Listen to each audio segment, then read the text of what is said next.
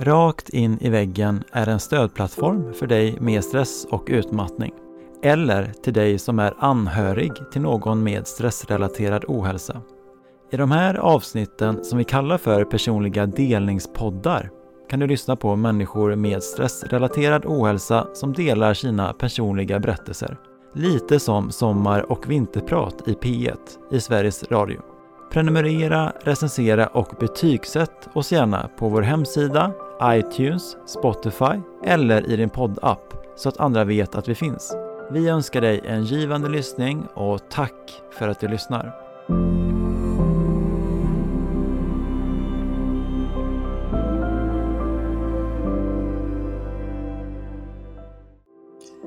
Varje gång han rörde vid mig så fick jag samma magont som när jag såg pappa begripa. Men jag blev liksom som en staty. Jag blev helt förstelnad och kunde inte göra motstånd. Jag minns att jag sa nej de första gångerna. Men han förklarade för mig att det ska kännas lite konstigt. Men det var inget fel. Och han, han sa även att jag ville det här egentligen. Så jag slutade säga nej. Och jag slutade gråta.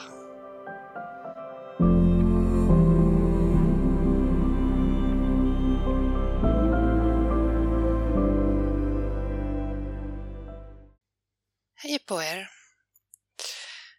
Emelie Forsell heter jag och jag har fått äran att få vara med här och dela med mig av min utmattningshistoria. Jag bläddrade igenom mitt flöde på Facebook eh, och såg då ett inlägg i en grupp som handlade om utmattning. Eh, och där såg jag att Rakt in i väggen efterfrågade historier till sin podd. Jag har aldrig varit särskilt bekväm med att öppet berätta om mig själv, men när jag läste kommentarerna i det här inlägget så eh, såg jag att nästan alla som hade gått in i väggen där var på grund av jobbet och någonstans då så kände jag att jag skulle vilja dela med mig av mina anledningar. Men eh, jag tänkte börja med att presentera mig lite. Uh, Emily heter jag som sagt. Jag är 35 år gammal och bor sedan snart 10 år tillbaka i jättefina Karlstad. Till vardags jobbar jag som logistikkoordinator på Valmet där vi bygger eh, pappersmaskiner till alla möjliga delar av världen. Det är en rätt ny tjänst för mig. Eh, men jag har tidigare jobbat på samma, i samma arbetsgrupp som eh, truckförare. Så att jag har varit där de senaste sex åren.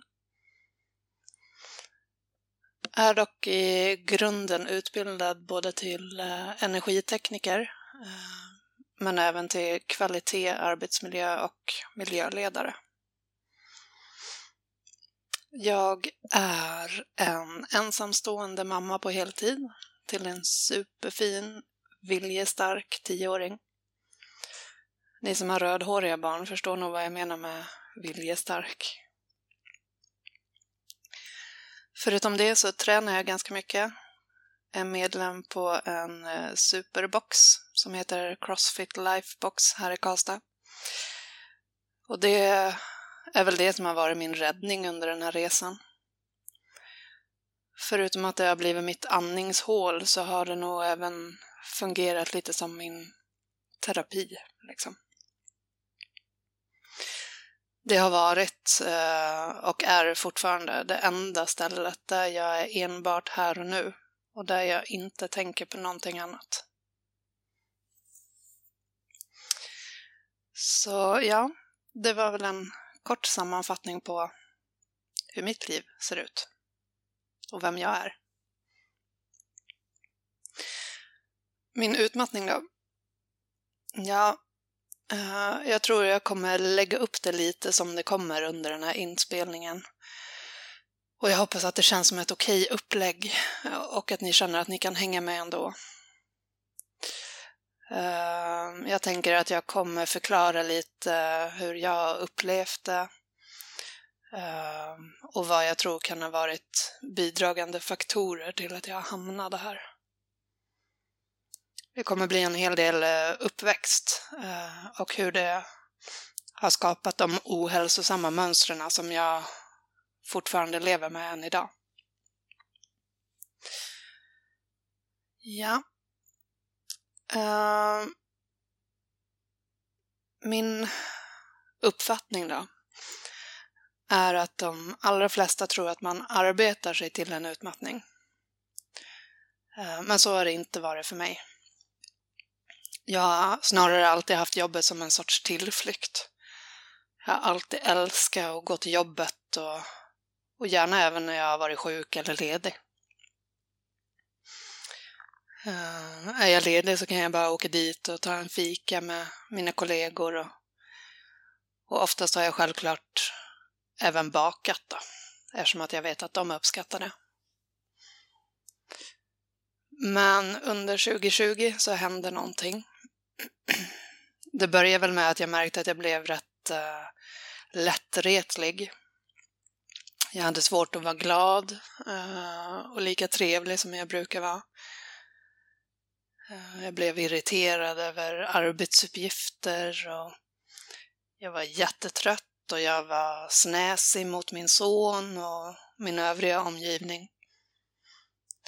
Jag stängde in mig uh, mer och mer Eh, och jag ville inte vara bland folk på samma sätt. Men jag fortsatte ändå som vanligt. Både på jobbet och privat. Eh, och tänkte att det kanske bara var en dipp i livet liksom. Eh, jag åkte även på ett rejält ryggskott, vilket resulterade i att jag inte kunde träna på samma sätt. Och det gjorde inte direkt min vardag eller mentala hälsa bättre direkt. Ehm, och i mars 2022 så fick jag ytterligare problem med ryggen. Och röntgen visade diskutbuktning och jag blev beordrad att stanna hemma ifrån jobbet ehm, en vecka och ta det lugnt. Och det var då som eh, hela min värld vändes upp och ner i princip. Jag sov dygnet runt eh, och hela mitt inre bara spjälade emot att gå utanför dörren. Jag var i alla fall inställd på att gå till jobbet när jag kunde röra mig ordentligt igen. Men för första gången fick jag verkligen kriga med mig själv. För jag visste väl någonstans att någon sorts botten var nådd. Mina närmsta sa till mig att jag borde gå till en läkare. Eh, och prata om det här eftersom att de förstod att det inte bara var ryggen som spökade. Men det ville jag inte. Eh, men jag blev så extremt trött eh, under de här dagarna eh, och kunde knappt gå upp ur sängen på grund av det. Och även om jag kände att den tröttheten inte gick att sova bort så tänkte jag att jag, jag behöver nog bara vila ett par dagar eh, och att jag sen skulle kunna gå tillbaks till min normala vardag. Men så blev det inte. Jag fixade inte vardagen. Eh, bara att kliva utanför dörren var i princip omöjligt. Och så fort jag hade följt min son till skolan så somnade jag om och sen sov jag tills han kom hem igen på eftermiddagen. Och även ifall jag hade gjort det så var jag så trött när han kom hem att jag, jag bara längtade efter att få gå och sova igen. Jag började till och med lura honom på kvällarna eh, och sa att klockan var mer än den var så jag bara kunde få gå och sova. Att sköta hushållet med allt vad det innebär var också en kamp. Och jag hade väldigt dåligt samvete för att jag kände mig som en dålig mamma som inte var glad eller rolig. Och jag kunde inte för mitt liv förstå varför jag inte bara kunde skärpa till mig eller varför jag inte bara kunde sluta sova. Var jag sjuk? Hade jag något i kroppen? Hade våren kommit tidigt och attackerat mig med en ordentlig pollenallergi eller vad var det frågan om? Det fanns inte på min världskarta att jag hade klappat ihop och blivit just utmattad, för utmattning var ingenting som jag trodde på. Jag har alltid tänkt att det bara är en ursäkt för lata människor som inte vill jobba. Så det var väldigt svårt för mig att acceptera läget. Och när jag efter två veckor träffade en läkare som sa till mig att jag hade sprungit rakt in i väggen så blev det som en käftsmäll. Eh, frågor som liksom, eh, jaha, och hur länge ska jag ha det så här? Eh, när kan jag gå tillbaks till jobbet? När kan jag bli en samma superglada, presterande mamma och människa igen? Och vad ska jag säga till alla andra? Vad ska de tänka? Hur ska jag klara mig ekonomiskt? Jag fick rent ut sagt panik av bara tanken att ta ordet utmattad i min mun. Livrädd för andras åsikter och tankar. Så när jag pratade med min chef om det här eh, så sa jag att han, han får absolut inte säga till någon på jobbet att, att det var så här det var. Utan jag bad han säga att det var ryggen och att jag hade diskbrock och behövde vara hemma för det ett par veckor. Men de veckorna förvandlades till månader som sen förvandlades till ett halvår. Nu är det juli 2023 och jag har precis gått upp till 100% arbete efter en upptrappning sedan september. Så det tog alltså ett år och tre månader. Och det har inte varit lätt på något sätt. Varje upptrappning i arbetstid har tagit styggt på hjärntröttheten. Och det har varit sjukt frustrerande. Men samtidigt så kan jag nu liksom i, i efterhand känna att det har varit otroligt lärorikt. Det har medfört väldigt mycket insikter i hur jag faktiskt har levt under mina 35 år och hur pass djupt rotade beteenden jag har. Jag har blivit tvungen att omvärdera i princip allt och jag har på köpet insett hur, hur mycket min uppväxt har format mig, vilket jag konstigt nog inte trodde.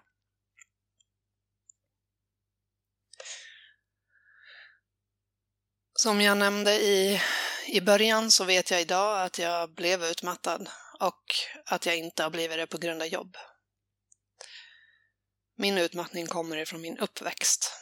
Och det är nog den här resan som har gett mig i princip varenda insikt kring det. Jag är född och uppvuxen på Gotland. Eh, men jag kan nog inte kalla mig gotlänning riktigt. Eh, mamma flyttade dit när, när hon var gravid, eh, så jag har ingen släkt där eller någonting. Och nu har jag bott på fastlandet i 20 år, så jag har nog inte så mycket dialekt kvar, som ni kanske hör. Anledningen till varför hon flyttade dit var för att hon levde ett hårt liv. Hon var missbrukare, både alkoholist och narkoman. Och i slutet av 86, början av 87 så satt hon av ett straff för narkotikabrott och grov stöld på Arne anstalt. Och under den tiden hon satt så träffade hon min pappa som samtidigt satt av ett straff för att ha knivhuggit en man. När de sen var ute i friheten båda två eh, så blev jag till. Och det upptäckte hon när hon var i tredje månaden. Eh, hon bestämde sig då för att, att lämna sin umgängeskrets och flytta till Gotland. Och pappa följde inte med.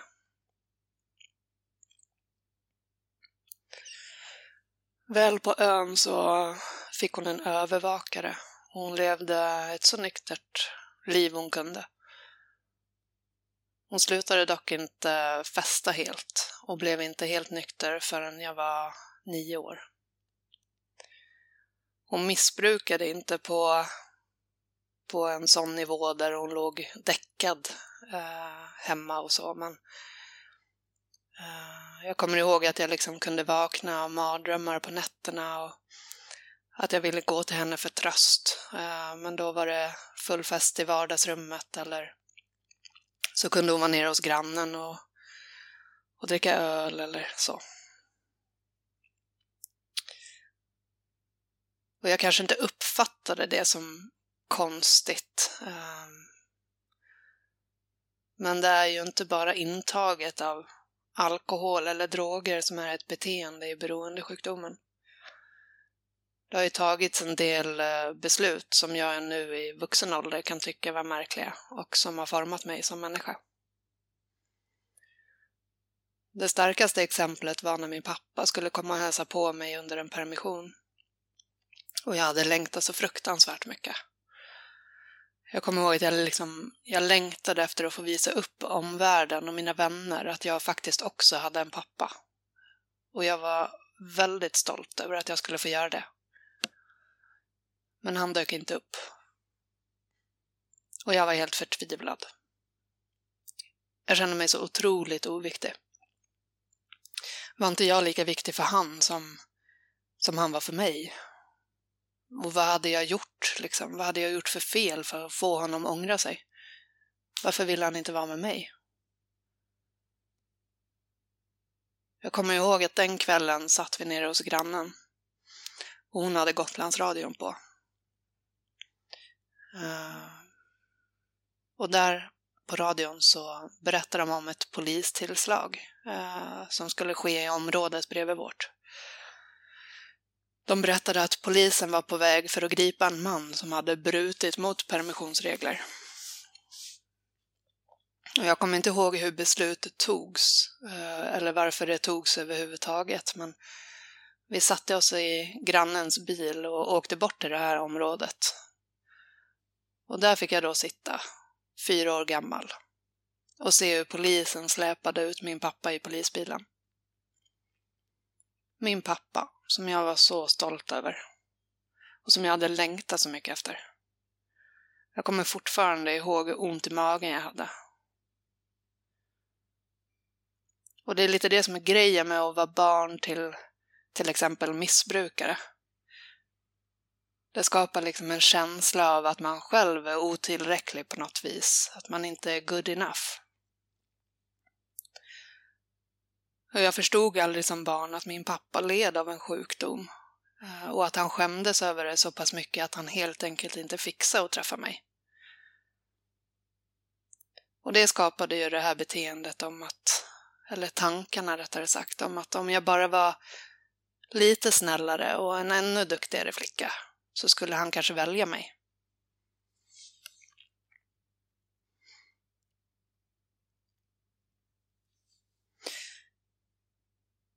Jag var alltid omtyckt. Uh, när jag skötte mig och när jag var trevlig. När jag log och såg söt ut. Jag fick alltid höra, höra att jag var artig. Uh, och jag fick aldrig så mycket beröm som när jag gjorde bra ifrån mig på något. Och det var nog redan då uh, det här beteendet där jag alltid måste göra alla andra uppstod. Det behovet av att nöja andra människor. Och där jag började tappa bort mig själv. Det här förstärktes ju ännu mer när jag som sexåring blev utsatt för mitt första övergrepp eh, av min mammas dåvarande pojkvän. Han började med att berömma min kropp och förklara för mig vad den var bra för och vad den var till för. Vilket var för att glädja honom. Och på något sjukt sätt så trodde jag på honom. Varje gång han rörde vid mig så fick jag samma magont som när jag såg pappa begripa. Men jag blev liksom som en staty. Jag blev helt förstelnad och kunde inte göra motstånd. Jag minns att jag sa nej de första gångerna. Men han förklarade för mig att det ska kännas lite konstigt. Men det var inget fel. Och han, han sa även att jag ville det här egentligen. Så jag slutade säga nej. Och jag slutade gråta. Jag började nästan till och med få dåligt samvete, kommer jag ihåg, gentemot min mamma. Jag kan inte svara på varför, men jag kan ju idag gissa på att jag till slut även trodde på honom, att jag faktiskt ville att han skulle röra vid mig. Även fast hela mitt inre bara skrek nej.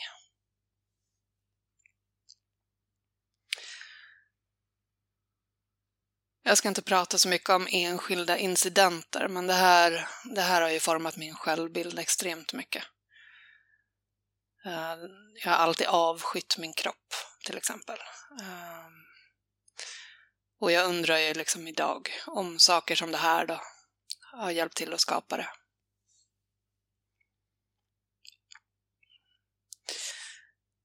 Jag berättade aldrig för min mamma vad han höll på med. Däremot så berättade jag det för min fritidsledare, så hon fick reda på det ändå. Det blev ingen anmälan. Eh, hon sa att hon inte ville utsätta mig för undersökningar eller riskera att min pappa fick reda på det, för han hade troligtvis mördat honom då. Jag kan till en viss del förstå hennes val. Men jag kan inte låta bli att undra vad det gav mig för signaler som sexåring. Hennes kille sparkades ut ifrån vårt hem i alla fall.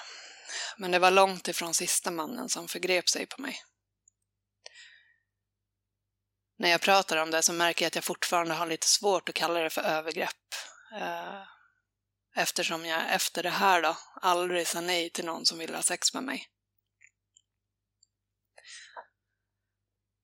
Jag antar att jag tidigt lärde mig att min kropp var tillgänglig för den som ville ha den, oavsett vad jag kände. För det var så jag levde efter det här.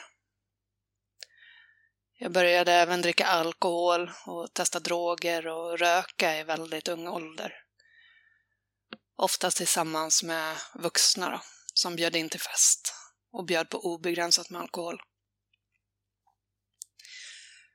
Och när man knappt är, är tonåring och är på fest med vuxna män och dessutom aldrig säger nej så kan ni ju förstå hur festerna i princip alltid sluta. Och i det här stadiet så kunde jag liksom inte längre skilja på vad jag själv ville och vad jag gjorde för att göra andra nöjda. Jag hade tappat bort mig själv helt. Och jag hade tagit på mig rollen och sett till så att alla runt omkring mig var nöjda bara.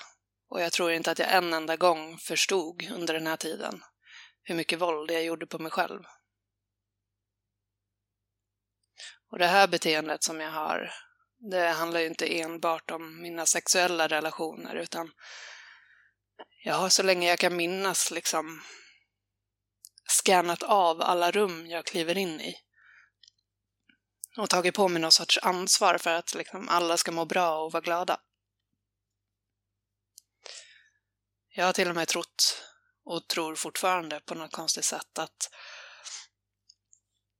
om någon är på dåligt humör, om någon är arg eller så, eh, att det kan bero på mig. Jag vet att det låter väldigt självcentrerat, vilket det också är till stor del, men det blev liksom en del av min person. Eh, att ta på mig ansvaret för att alla skulle må bra. Och om då någon var missnöjd så kände jag att jag hade misslyckats.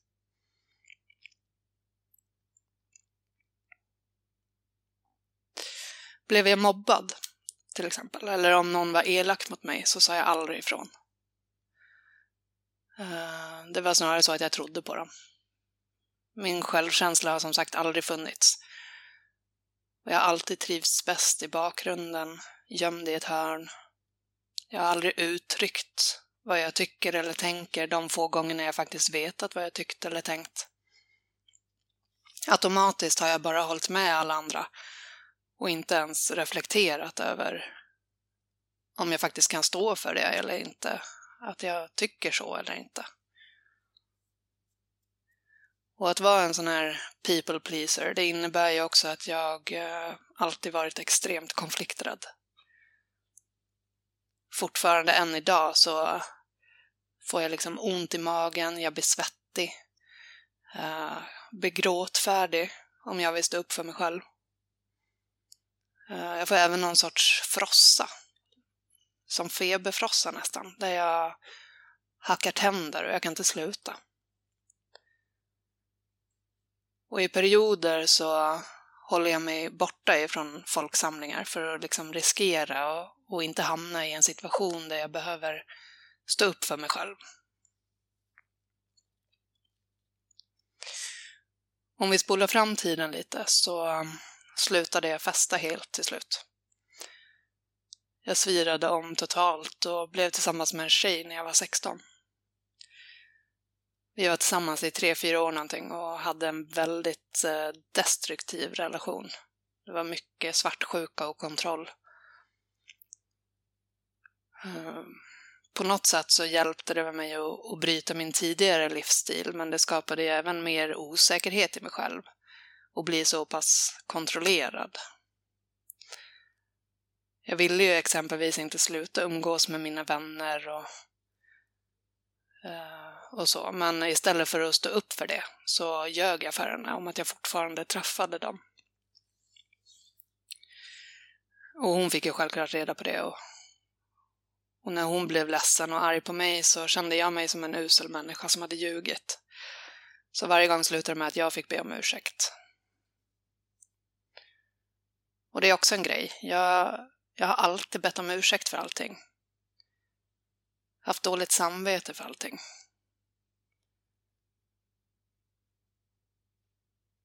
Nästan så pass mycket att jag liksom ber om ursäkt för att jag finns på något sätt.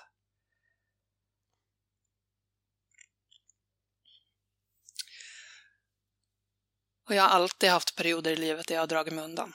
Jag liksom har alltid haft ett jättestort behov av att få vara ensam. Men när jag var 19, 20 någonting så stängde jag för första gången in mig en längre tid. Det var nästan två år tror jag. Jag jobbade heltid och mer därtill. Jag kommer ihåg att jag redan i, i maj ungefär eh, fick övertidsstopp för att jag hade jobbat alldeles för mycket övertid redan. Så jag bodde i princip på jobbet. Och den övriga tiden var jag ensam i min lägenhet. Alla mina vänner tröttnade nästan på mig för att jag sa nej till precis allting. Och det behövde inte vara några stora grejer utan även till att ses på en kaffe eller ta en bio. Jag hade ingen som helst lust eller ork att vara social och, och vistas bland folk, utan jag var bara hemma. Men det här kom jag ur slu till slut, mer och mer. Och efter ett tag träffade jag till och med en man som jag blev så fruktansvärt förälskad i. Han var jättefin mot mig till en början och han skämde bort mig och vi träffades många dagar i veckan och jag kommer ihåg att för första gången så tänkte jag att jag kanske visst kunde bli omtyckt och att jag kanske dög till mer än sex. Och den känslan var helt magisk. Jag blev bara mer och mer förälskad ju längre tiden gick och jag var totalt fast. Men sen kom första smällen. Ett halvår in i vad jag upplevde som en relation upptäckte jag att han, att han hade samma sorts relation med en annan tjej samtidigt. Och jag föll direkt tillbaks till den här vidriga känslan i magen. Men jag konfronterade honom inte. Jag gjorde som jag alltid har gjort. Utan liksom, jag höll mig bara undan. Höll mig borta. Det slutade med att han blev ledsen för att jag höll mig borta. Och jag gick tillbaks. Och det här fortsatte ju sen genom hela vår relation med andra kvinnor. Och det blev bara värre sen när vi bodde ihop. För då blev det riktigt destruktivt förhållande psykiskt. Jag försökte liksom börja våga yttra mina känslor och, och tankar, men för varje gång jag gjorde det så blev jag bara mer och mer nedtryckt och nedvärderad. Jag var bara överkänslig och dramatisk. Alla problem låg hos mig. Och han visade tydligt genom hela vår relation egentligen, att, att jag inte betydde så mycket för honom. Men jag hade ingen kraft till att göra vad som var bäst. Inte förrän vi fick en son. Men när han var en månad gammal, då packade jag våra saker och stack en morgon när han gick till jobbet. Och det var också en jättejobbig tid i livet eftersom att jag fortfarande var så förälskad i honom. Men nu i efterhand är jag otroligt tacksam för att jag tog det steget, för det skadade mig otroligt mycket mer än vad jag förstod. Och det var så jag hamnade i Karlstad. När jag lämnade han så fick vi bo hos en kvinna i Stockholm som hade ett rum över. Och utan henne vet jag inte vad jag hade gjort. Vi fick bo där gratis. Eh, vi fick mat och hon hjälpte till med allt hon kunde. Men det var ju ingen hållbar situation. Och allt jag ville var bara att få ett eget boende och kunna ge oss ett hem som kunde bli våran trygga plats. Så jag började söka lägenheter i hela Sverige. Och där jag först fick napp var just i Karlstad. Hade aldrig varit här tidigare. Så jag var självklart rädd. Men det fanns inte så mycket att fundera på. Nu har vi bott här i nio och ett halvt år. Och jag har svårt att tro att jag någonsin kommer flytta härifrån. Nu kanske jag har svävat iväg lite, men jag hoppas och tror att jag ändå har haft någon sorts röd tråd genom min berättelse. Det jag ville berätta ifrån början och som fick mig att anta den här utmaningen var att liksom få fler att förstå att utmattning är ett resultat av massa olika saker. Vissa jobbar sig till det, absolut. Men andra har jobbet som en räddning fram tills att livet kommer ikapp en. Allt det jag har varit med om har skapat en massiv stress inombords som har gjort att min kropp är stressad under dygnets alla timmar, även om jag inte har saker på schemat. Och det är just den stressen som kom ikapp mig till slut och gjorde så att jag inte orkar hålla ihop det längre. Ni har säkert hört talas om flykt och kampbeteende förut. Eh, och det är, det är vad som pågår inom mig hela tiden. Jag har väldigt mycket att jobba med. Och jag förstår idag att jag inte kommer klara det själv. Jag har börjat gå lite i terapi och nu under hösten ska jag påbörja möten på ett annat ställe som håller på mer med traumahantering. Utöver det så har jag ett superfint stöd i min särbo och i mina vänner. Om jag bara trycker undan alla murar som jag har byggt upp och släpper in dem. Det händer inte så ofta. Men jag gör det betydligt oftare nu än någonsin. Rädslan, eller vad det nu är, att bli ansedd som larvig eller svag sitter väldigt djupt. Även om jag intellektuellt vet att de aldrig skulle skratta åt mig eller lämna mig när jag berättar hur jag mår eller känner. Något jag upptäckt under det här året också är att jag, jag skulle vilja bli mer andlig.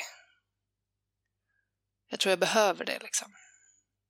Det låter kanske flummigt, men jag menar på ett sånt sätt där jag är mer ute i naturen, där jag sover utomhus och där jag vågar vara i kontakt med mig själv. Där jag omringar mig med människor som lever mer så också.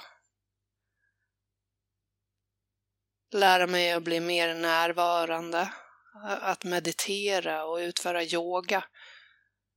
Att inte bara följa samhällets normer och syn på hur man ska leva. Det känns som att jag liksom har en stark längtan efter att få bryta mig fri. Jag vet bara inte från vad